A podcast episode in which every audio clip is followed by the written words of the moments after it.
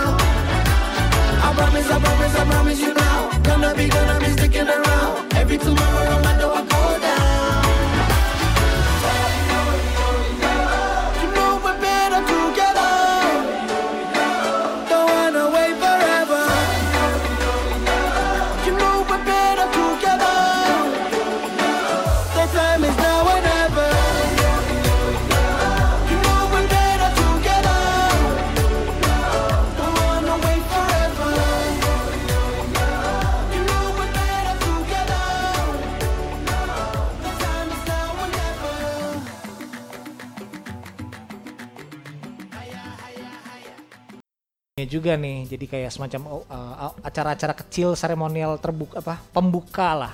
Iya. Begitu. Dari walaupun dari sana nggak pulang bawa piala, tapi bawa misi ya coach ya. Iya betul misi. Dan ini juga sudah disampaikan ke pemerintah ya coach. Iya, iya. Jadi waktu eh, tanggal 30 Oktober yang lalu pas ada CFD itu. Oh, ki- oke. itu itu kita sudah menyampaikan ke Menteri Pemberdayaan Perempuan dan Perlindungan Anak Ibu Igusti Ayu Bintang Dermawan SE Mhm. MSI eh, kita memberikan eh, apa yang kita suarakan di Oke. saat kongres di sana. Ya itu antara lain seperti eh, kita kami menginginkan lingkungan yang aman bagi anak-anak di Indonesia tanpa terkecuali. Lalu kami menghentikan segala bentuk kekerasan terhadap anak Indonesia. Yes, mesti itu. Eh, kami ingin tidak ada lagi pernikahan usia usia anak. Hmm, dan Agnes karena- Monica ya. iya. Pernikahan dini itu ya. Nah, karena sekarang udah direvisi undang-undangnya. Iya, iya. Jadi kalau dulu yang perempuan 16 tahun, sekarang eh, Oh, 19 iya. tahun. Iya, iya, Jadi iya. sama-sama dengan laki-laki, Mhm. sama-sama 19 tahun. Eh, kemudian eh, kami ingin tidak ada lagi pekerja anak. Oke. Hmm, dan terakhir itu kami ingin mendapatkan kesempatan yang setara untuk berprestasi dalam bidang, bidang olahraga, terutama yang eh, wanita seperti itu. Oke. Jadi itu sudah kita sampaikan ke ke Ibu Menteri dan Tanggapannya? di depan publik juga karena pada saat itu juga lagi ada acara tentang eh, stop bullying terus Oh, kemudian pas iya, momentumnya ya. pengenalan terhadap eh, call center 129 129 ini apa coach? untuk eh, kalau misalkan ada KDRT atau Oh, oke. ini anak eh, kita bisa menghubungi sat- nomor nomor telepon call center 129 129 ya. Nah, ini Iya. nomor yang penting juga nih sahabat RPK bisa dicatat ya kalau menjumpai adanya KDRT begitu ya coach. Betul, ya. 129. 9 Oke. Wow. Coach to Coach Podcast adalah sebuah podcast yang isinya tentang olahraga futsal yang dimainkan di dalam ruangan empat pemain dan satu kiper. Nah di podcast ini kita akan berbicara soal teknik, taktik maupun informasi-informasi mengenai jadwal dan hasil pertandingan, terutama di Liga Asosiasi Akademi Futsal Indonesia atau AFI. Nah, kita akan menampilkan juga narasumber-narasumber dari berbagai eh, tempat dan pelatih-pelatih yang berkualitas. Semoga eh, obrolan ini bermanfaat bagi pemirsa. Selamat mendengarkan.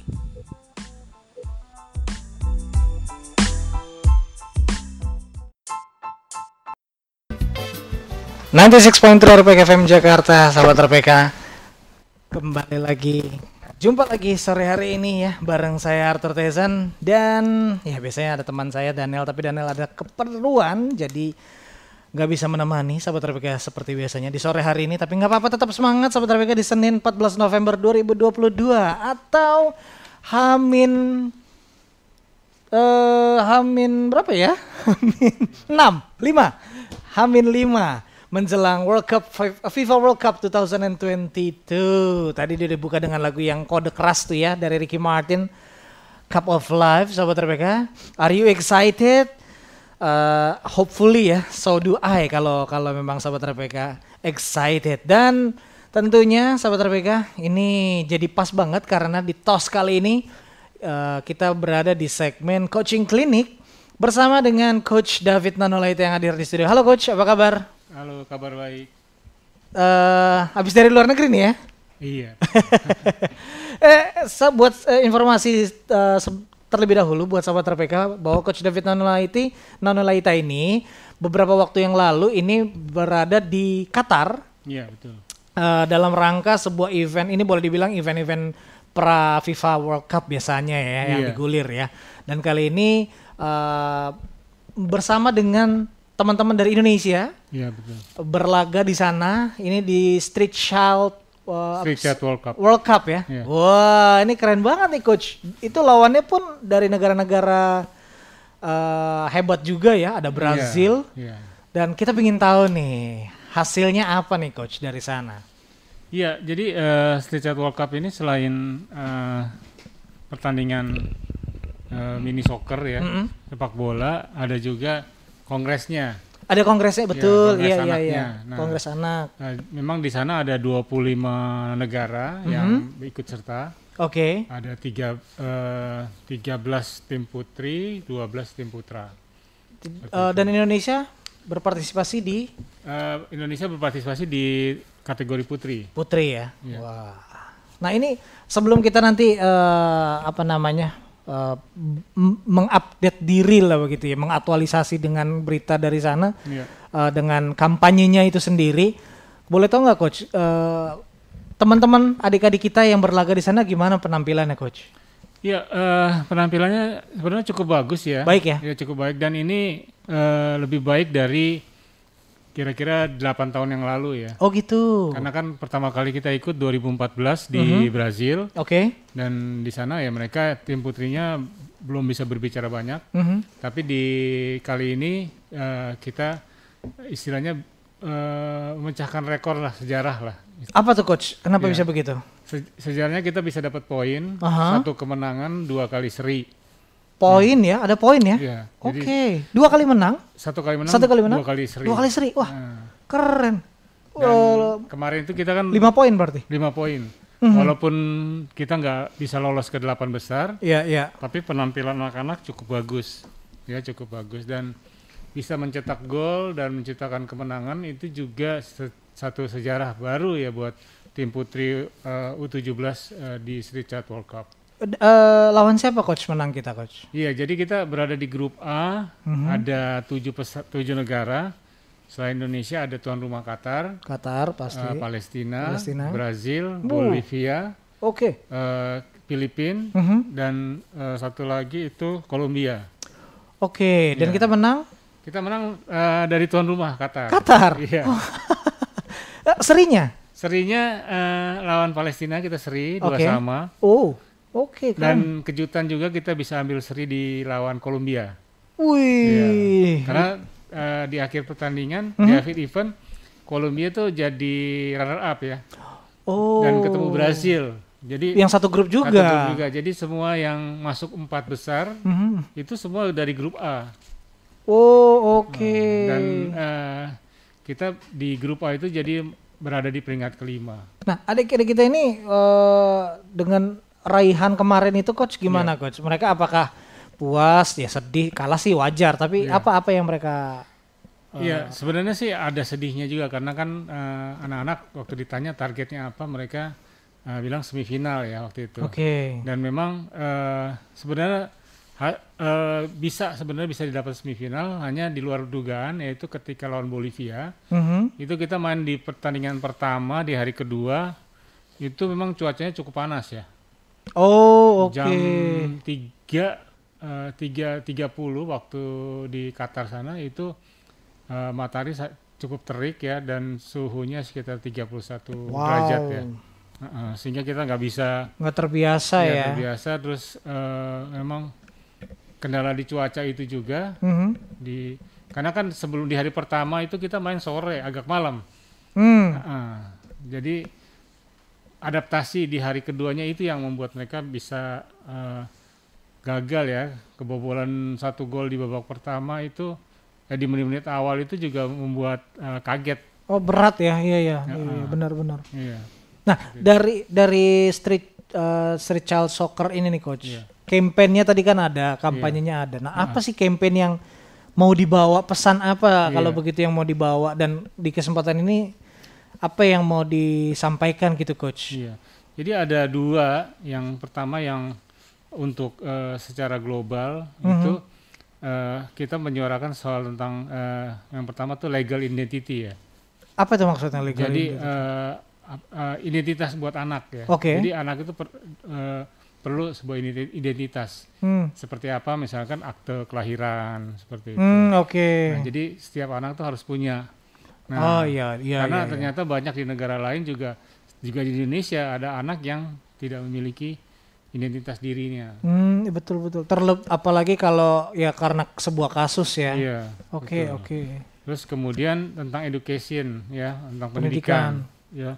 Ke, kesetaraan tentang pendidikan semua anak bisa dapat pela- sekolah yang benar, Mhm. dapat pendidikan yang baik seperti Mhm, itu. mhm. Itu juga di dijadiin apa namanya? eh, isu di sana. Oke. Kemudian tentang health, kesehatan, eh, protection. Nah, protection ini tentang perlindungan anak terhadap eh, ini ya, apa namanya, misalkan eh, pekerja anak ya. Oh oke. Ya, karena di, Di di, bawah umur ya. di bawah umur di berbagai negara seperti misalkan di India, di Mhm. Pakistan, Mhm. eh, atau bahkan di Palestina juga eh, ternyata sama gitu. Eksploitasi. Ada eksploitasi anaknya juga ada cukup cukup banyak di sana. Lalu ada gender equality, ya. Oke, persamaan. Sama gender ini eh, sama seperti misalkan di, di Kolombia. Hmm, Di Kolombia itu anak-anak perempuan mungkin dil- dilarang bermain bola seperti itu. Dianggap hmm, eh, bola itu hanya untuk laki-laki. Terus di Palestina juga bahkan mereka eh, lebih sedih lagi karena mereka tidak punya tempat untuk bermain. bermain. Iya iya. iya. Nah, seperti itu. Dan kalaupun harus bermain, mereka bisa bisanya mereka keluar negara malah. Iya iya. Benar benar. Dan di sana juga banyak anak-anak yang eh, refugees ya, pengungsian. Pengungsi. Ya kayak kayak tim dari Hongaria itu semua nggak hanya nggak nggak nggak hanya beberapa anak yang dari Hongaria, yang lain itu dari pengungsian dari Syria, dari Oh. Palestina, Afghanistan seperti itu. Wow. Terus yang terakhir tentang eh, kemiskinan. Poverty. Iya. Ya, itu memang eh, hal-hal aktual dan nyata ya yang terjadi di bumi kita tercinta ini ya coach ya, Iya. terutama yang menimpa mereka-mereka anak-anak eh, di dunia ini gitu. Ini Iya. kan persoalan global nih. Iya, persoalan global. Jadi mudah-mudahan misi melalui olahraga ini bisa membawa hasil yang baik coach.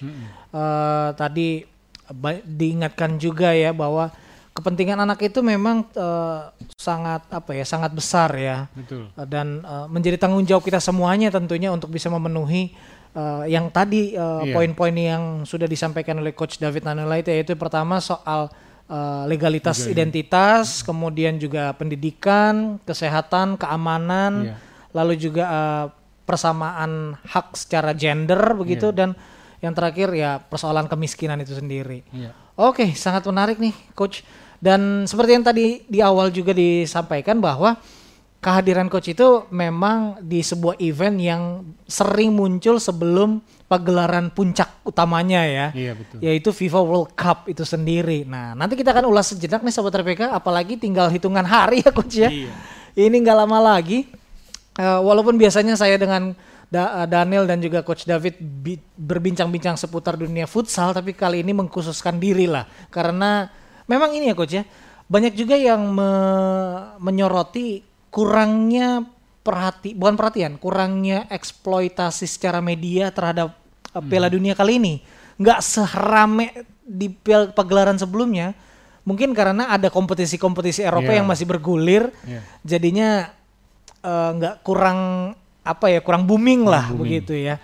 Nah nanti kita akan ulas sejenak sobat RPK Eh, setelah kita dengarkan dulu nih, wah ini teman-teman magangers lagi nyiapin apa nih kira-kira untuk menghibur kita semuanya di sore hari ini. So tetaplah bersama dengan teman olahraga sore-sore edisi kali ini.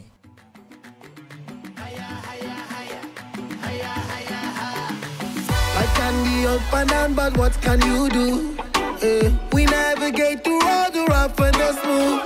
Yeah, we got that rock and roll, that rhythm and blues. Yeah, yeah. I'm never blue if I am rocking with you. Promise, I promise, I promise you now. Everything, everything gonna work out. Baby, tomorrow, no matter what goes down.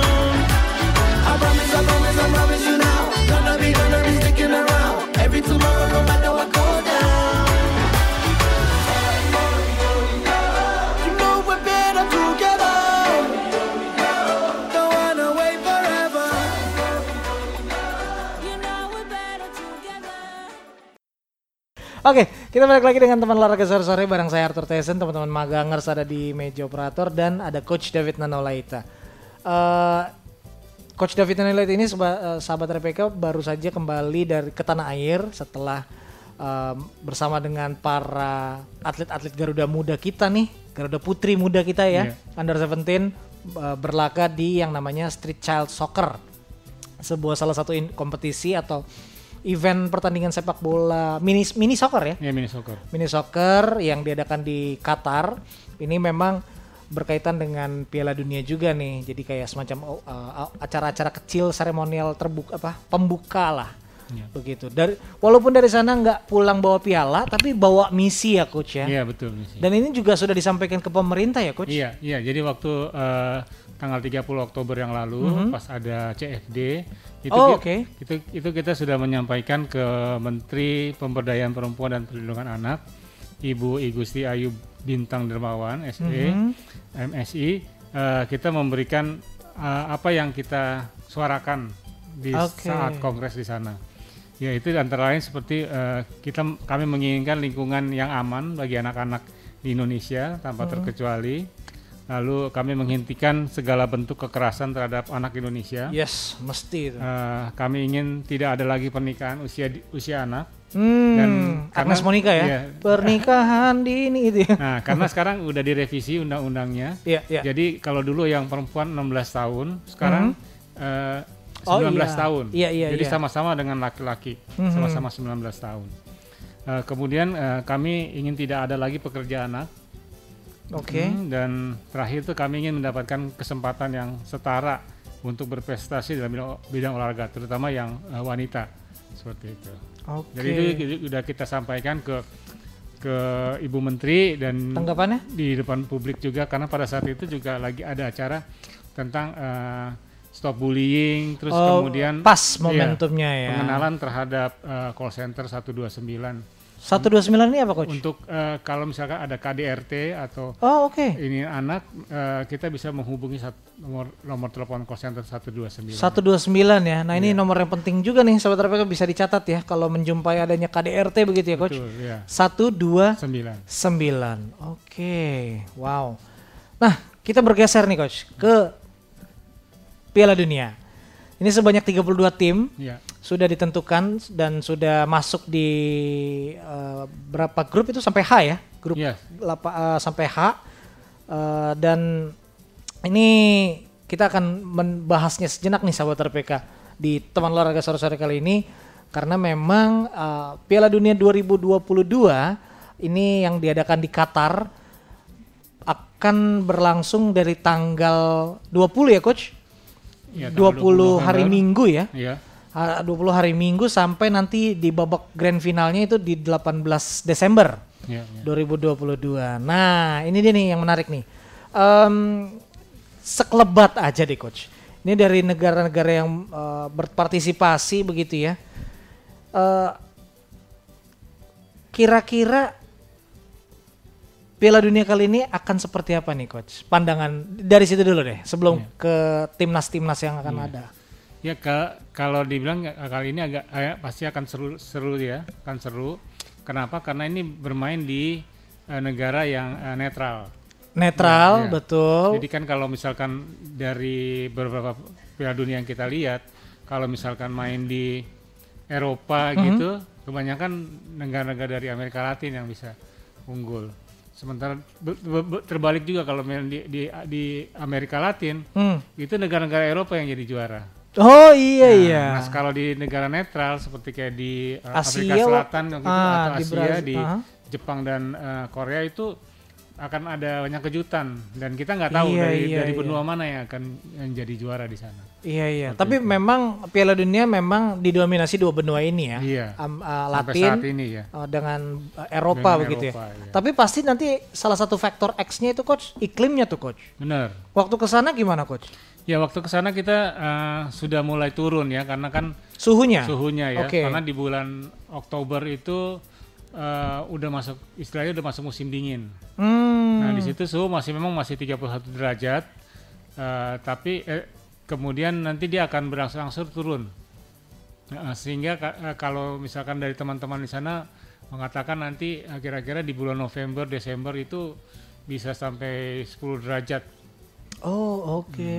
seperti itu. Wah ini tantangan bener-bener tantangan juga ya Iya. untuk bermain di suhu yang boleh dibilang ekstrim juga ya coach. Iya, tapi kan kalau di sana di di stadion-stadion yang udah dipersiapkan itu eh, mereka akan main di stadion ter- agak tertutup. Oh ada ada Nah, faktor iya. penghangat dan lain Ya, sebagainya. dan dia mungkin. akan diatur suhunya Hmm. seperti itu. Oke.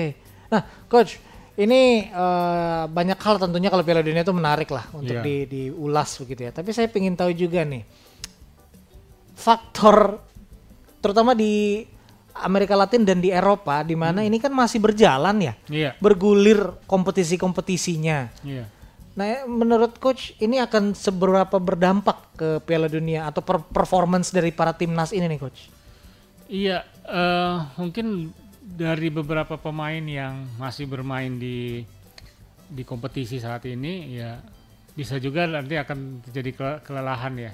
Faktor, Ya, faktor kelelahan, ya, Oke. fatigue, karena eh, mereka apa namanya masih bermain sampai pekan terakhir Mhm. di liga. Nah, sementara nanti, Ini udah terakhir kan kemarin Iya. minggu kemarin udah terakhir ya Udah sebelum terakhir. Piala Dunia ya. nah dan kemudian mereka cuma ada waktu cuma 5 sampai 7 hari untuk eh, recovery. Oh, recovery, beradaptasi. beradaptasi dengan lingkungan di sana.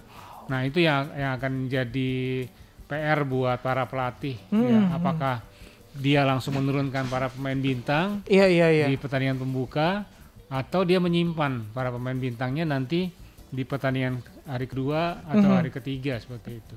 Nah, eh, pelatih dan apa tim fisik ya, fisioterapi ya. Fisioterapi atau tim medis juga. Itu jadi tantangan Jadi ya. tantangan buat mereka. Nah, ini dan ini berbeda nih coach ke- kalau dengan apa Piala Dunia sebelumnya, Hmm. biasanya pe- pertandingan ter- pembuka tuh tuan rumah dengan tim besar biasanya. Iya.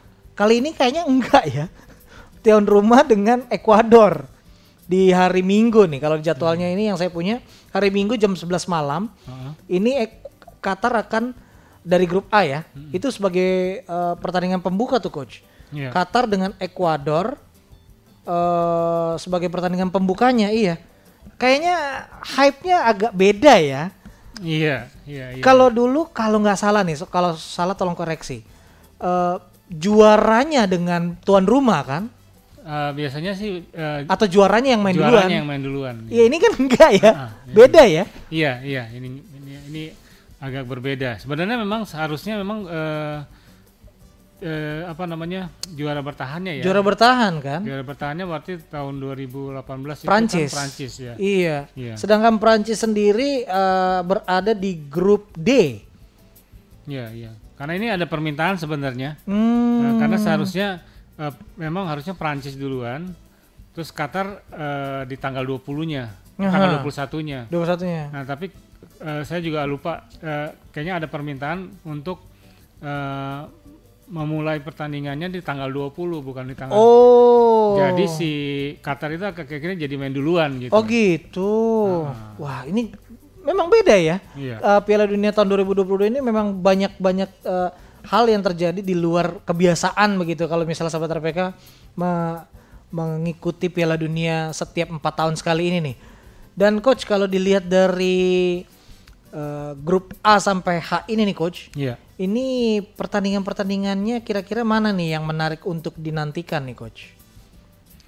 Oke, Mbak. Eh, beberapa pertandingan sih ada yang menarik ya. Itu misalkan seperti di grup H ya.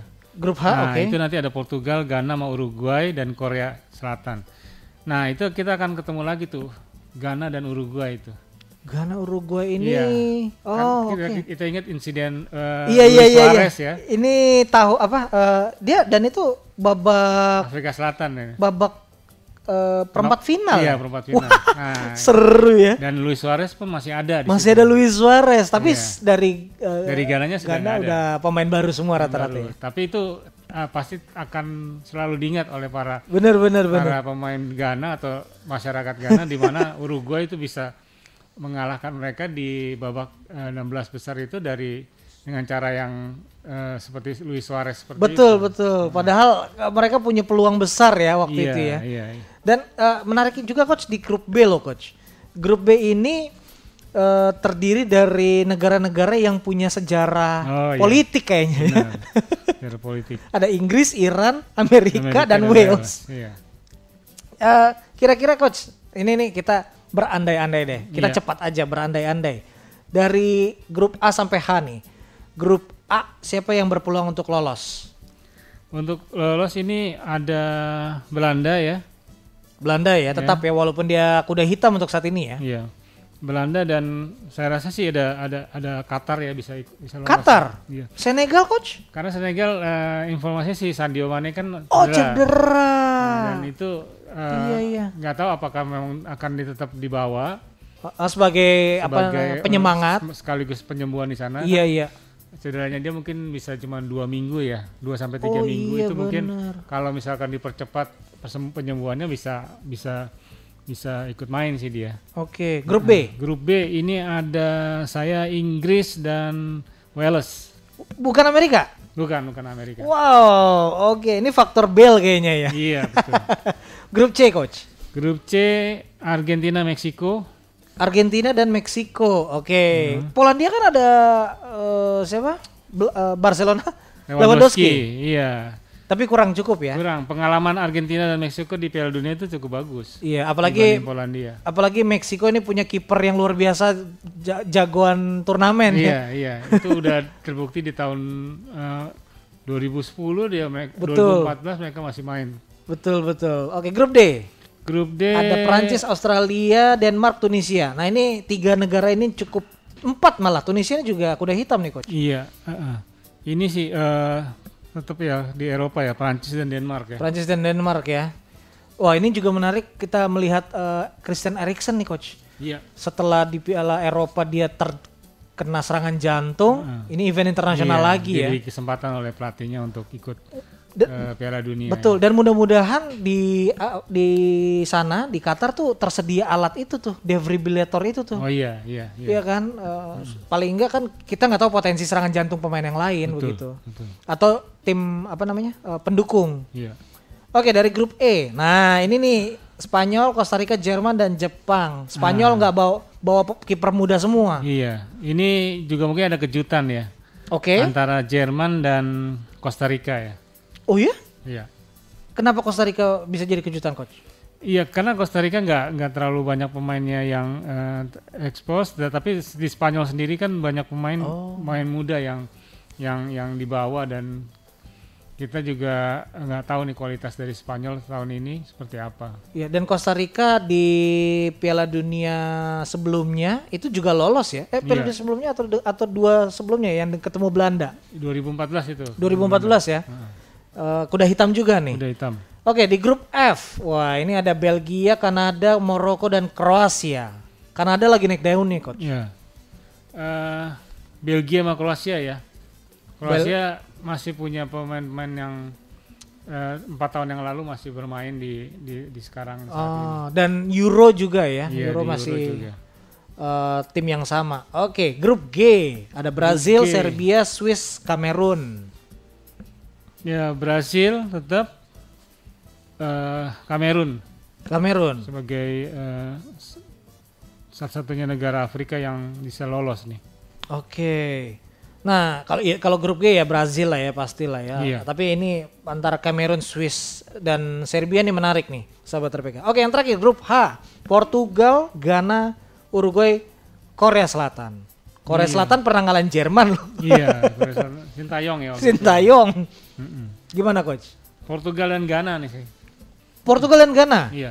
Wah, ini eh, Karena, karena dan kejutannya di situ di Ghana bisa akan mengalahkan Uruguay. kan ada Son di di Iya. South Korea ada Son, di Uruguay ada, Ada Suarez, Suarez, Cavani, Denis eh, Suarez juga ada.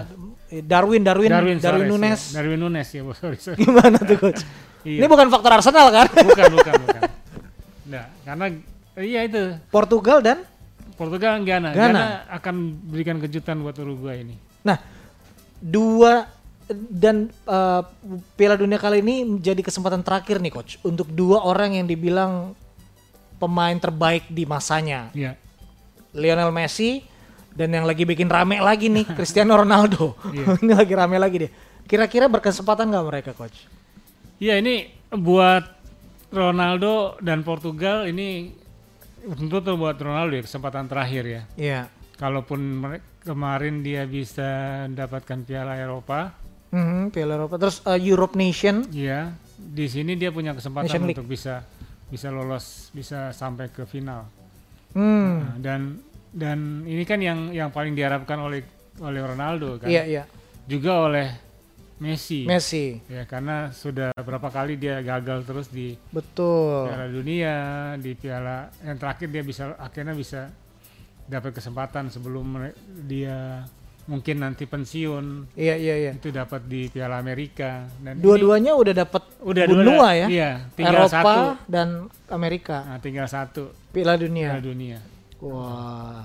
Kalau dari kedalaman tim dua-duanya kayaknya rata ya coach. Bahkan ada yang rising star juga kan? Iya. Di yang saya tahu nih coach, kalau di Argentina itu ada di belakangnya ada Lisandro Martinez. Iya. Lagi naik daun.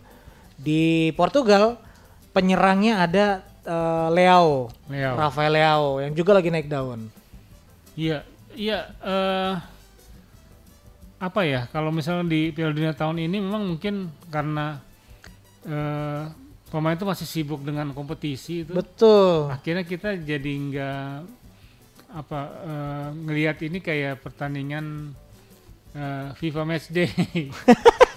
Biasa aja Iya, ya. biasa aja. Bener sih karena kalau Piala Dunia di tengah tahun persiapannya kan Persiapannya akan matang. mateng. Iya. Bener-bener. Ya, jadi nanti keliat- jadi nanti dilihat eh, mungkin eh, banyak bermain individu atau pemain yang punya tactical timnya bagus yang akan bisa lolos. Dan bisa jadi ada kejutan baru ya coach. Iya, bisa jadi Karena ada kan ya itu tadi karena ini persiapan yang agak-agak nggak seperti biasanya ya. Iya, iya. Jadi memang persiapannya nggak nggak benar-benar bikin TC. TC ini cuma semain seminggu, Iya. seminggu sebelum eh, Piala Dunia baru mereka kumpul. Paling Habis itu betul. eh, ke sana. Jadi kalau kita lihat dari pemain-pemain yang dipanggil itu mereka banyak memanggil pemain-pemain lama yang menurut Udah mereka biasa kompak. udah biasa kompak dan mereka eh, hanya men- menarik memasukkan pemain-pemain muda yang istilahnya sebagai Pelapis. pelapis. Iya iya benar. Iya. I- iya iya memang eh, ya kayak bet- match day aja FIFA match day betul. Benar. Jadi hanya mengumpulkan kayak misalkan di tim Prancis nih. Hmm. Di tim Prancis tetap di depan tuh hampir semuanya pemain-pemain yang sudah sudah matang ya seperti ada Mbappe, Mbappe, Benzema, Benzema, Giroud, Giroud. Griezmann, Dembele. Oh ini Coman. formula Iya, tahun lalu. Iya, jadi nggak nggak banyak berubah dan cuma hanya menampilkan satu Christopher Nkunku. Hmm, Nah, oke. Seperti itu. Di bagian belakang juga hampir semua eh, pemain-pemain lama, diisi pemain-pemain lama, hanya pemain-pemain yang menonjol, Hmm, yang dikira akan bisa jadi pelapis, misalkan kayak Saliba lagi naik performnya itu dimasukin ke dalam. Oke. Mm-mm.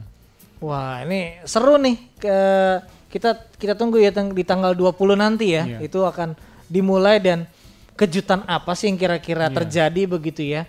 Apalagi ini kan juga bicara komposisi pemain yang dibawa. Banyak kejutan juga ya coach. Iya. Spanyol nggak bawa De Gea. Iya. Inggris juga banyak pemain yang nggak dibawa. Ada pemain baru juga. Dan jangan lupa nih eh, perjalanan dari setiap negara ke Qatar itu ada yang eh, cukup jauh ya. Oh. Seperti kayak Amerika itu dia sampai 12.277 km. Atau perjalanan tuh bisa Iya. satu harian Satu tuh. Kemarin 12 aja jam. tim Amerika datang ke Qatar itu hampir satu setengah hari. Uh, satu setengah hari. itu pun udah menguras energi Tim-tim pasti. Amerika Latin semua sampai satu setengah hari, Wah. sampai dua hari mereka baru nyampe. Dan dan ini Qatar. bisa bisa jadi catatan tersendiri coach buat FIFA mungkin ya. Iya. Next next event tuh harus bener-bener pemilihan tempat itu harus bener-bener penuh pertimbangan Benar, kayaknya ya. iya. Nah, eh, itu tadi soal FIFA World Cup 2022 itu sejenak set- soal FIFA World Cup dan terakhir sebelum kita harus pamit eh, bicara organisasi, Iya. ternyata juga ada kabar update terkini dari dunia futsal nih coach dari Iya. organisasinya. Apa nih coach? Ya jadi kalau dibilang Federasi Futsal Indonesia ini eh, di akhir November ini akan Hmm. mengadakan kongres.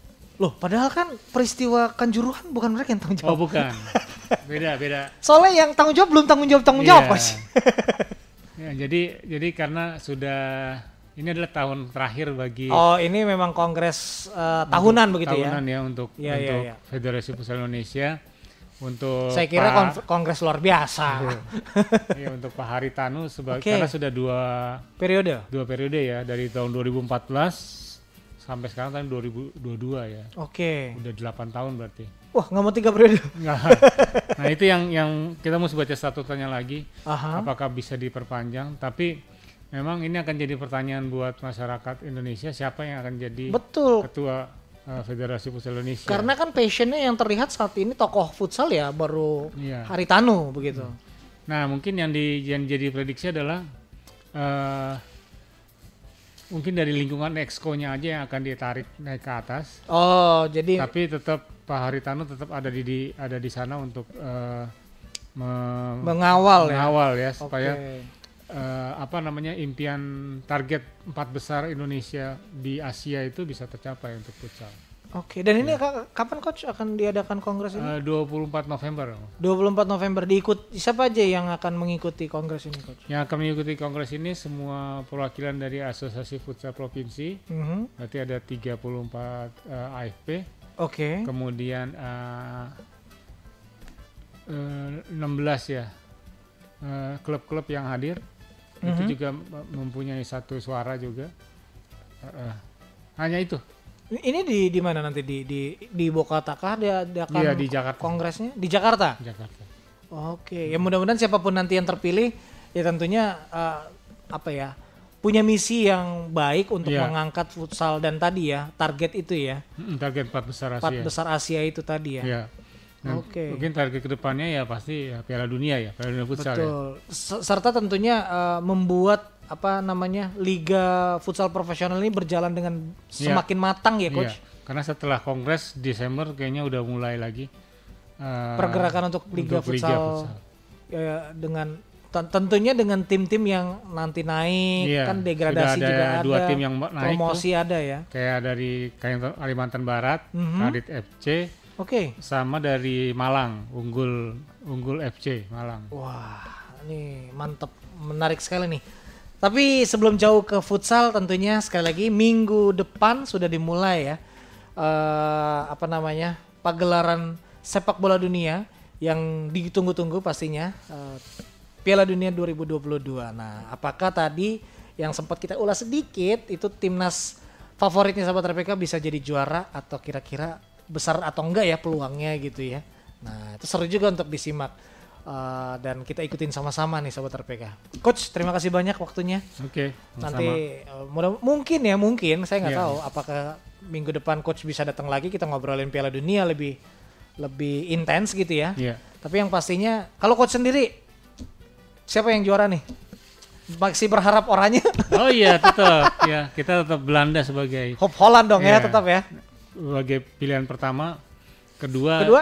Inggris. Wah, kok sama sama dengan saya. Tapi saya di dalam hati kayak Portugal agak punya peluang nih coach. Iya, ada. As long jangan Argentina. Tapi kita tunggu ya. Kita tunggu aja. Ini kenapa ada yang gerah di Magangers? Ada yang berselisih pendapat dengan saya? Hah? Kamu pegang apa kamu? Argentina ada di seberang sana. Oke, kita seru-seru bareng nanti ya. Oke, terima kasih banyak coach sekali lagi. Oke, Sa. Dan demikian tadi sobat RPK teman olahraga sore-sore kali ini dan Kita jumpa lagi di TOS hari Senin mendatang. Mungkin dengan kemeriahan Piala Dunia 2022. Akhir kata saya Arthur Tesan bersama dengan teman-teman Maganger semuanya pamit undur diri. Tetap jadi berkat ya sahabat RPK dan tetap juga patuhi protokol kesehatan 5M supaya kita semuanya terlindungi, tidak terpapar dari virus COVID-19 yang masih pandemi nih sahabat RPK. Sampai jumpa, have a nice Monday. Bye-bye.